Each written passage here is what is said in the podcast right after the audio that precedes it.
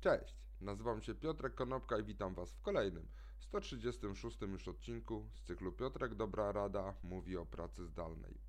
Dzisiaj powiem kilka słów na temat nowinek, które wprowadza u siebie Slack. Przede wszystkim Slack wprowadza coś takiego, co znacie z, ze storiesów na Instagramie, czyli takie asynchroniczne wideo, które pozwoli pracownikom z jednej strony nadawać komunikat, z drugiej strony niekoniecznie trzeba w trakcie tego komunikatu być obecnym na Slacku. Po prostu te wiadomości będzie można obejrzeć sobie później. Takie nagrane e, wiadomości prawdopodobnie będą mogły Wam służyć do tego, e, aby jeżeli macie wdrożone procedury czy reguły związane na przykład ze spotkaniami wideo, to będziecie w tym zakresie bardziej elastyczni.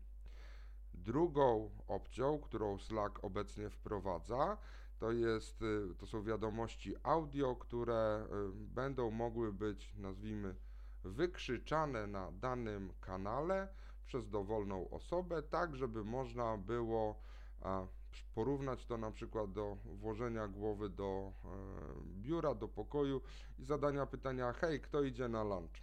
Także takie wiadomości głosowe również będą niedługo wprowadzone do Slacka. Chodzi o to, żeby odtworzyć jak najwierniej, według tego co Slack powiedział w środę w trakcie ogłaszania tych informacji, chodzi o to, żeby jak najwierniej odtworzyć środowisko standardowego biura.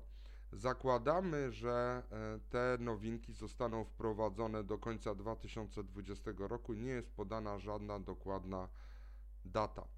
Natomiast trzecią rzeczą, która zostanie wprowadzona prawdopodobnie na początku 2021 roku, to jest możliwość wysłania bezpośredniej wiadomości do dowolnej osoby w Twojej firmie poprzez bezpośredni link.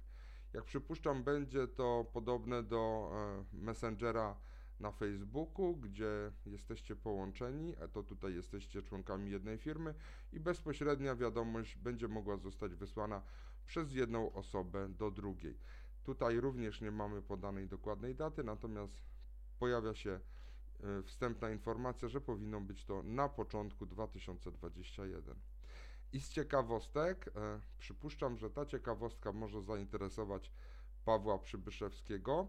Kolhan, jest to taki twórca butów sportowych, e, razem ze Slackiem właśnie uruchamiają limitowaną serię butów sportowych, jak oni to nazywają.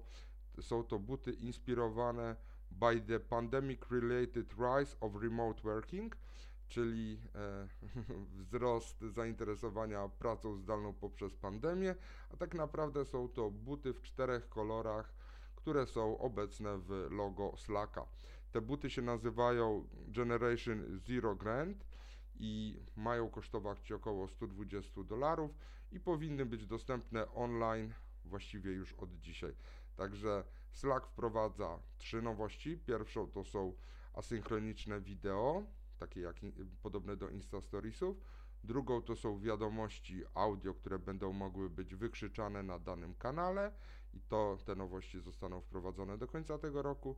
Na początku przyszłego będą bezpośrednie wiadomości tekstowe do wszystkich członków e, czy do poszczególnych członków organizacji i z ciekawostek Slack będzie miał swoje limitowane sneakersy. Dzięki serdeczne, do zobaczenia i usłyszenia jutro. Na razie.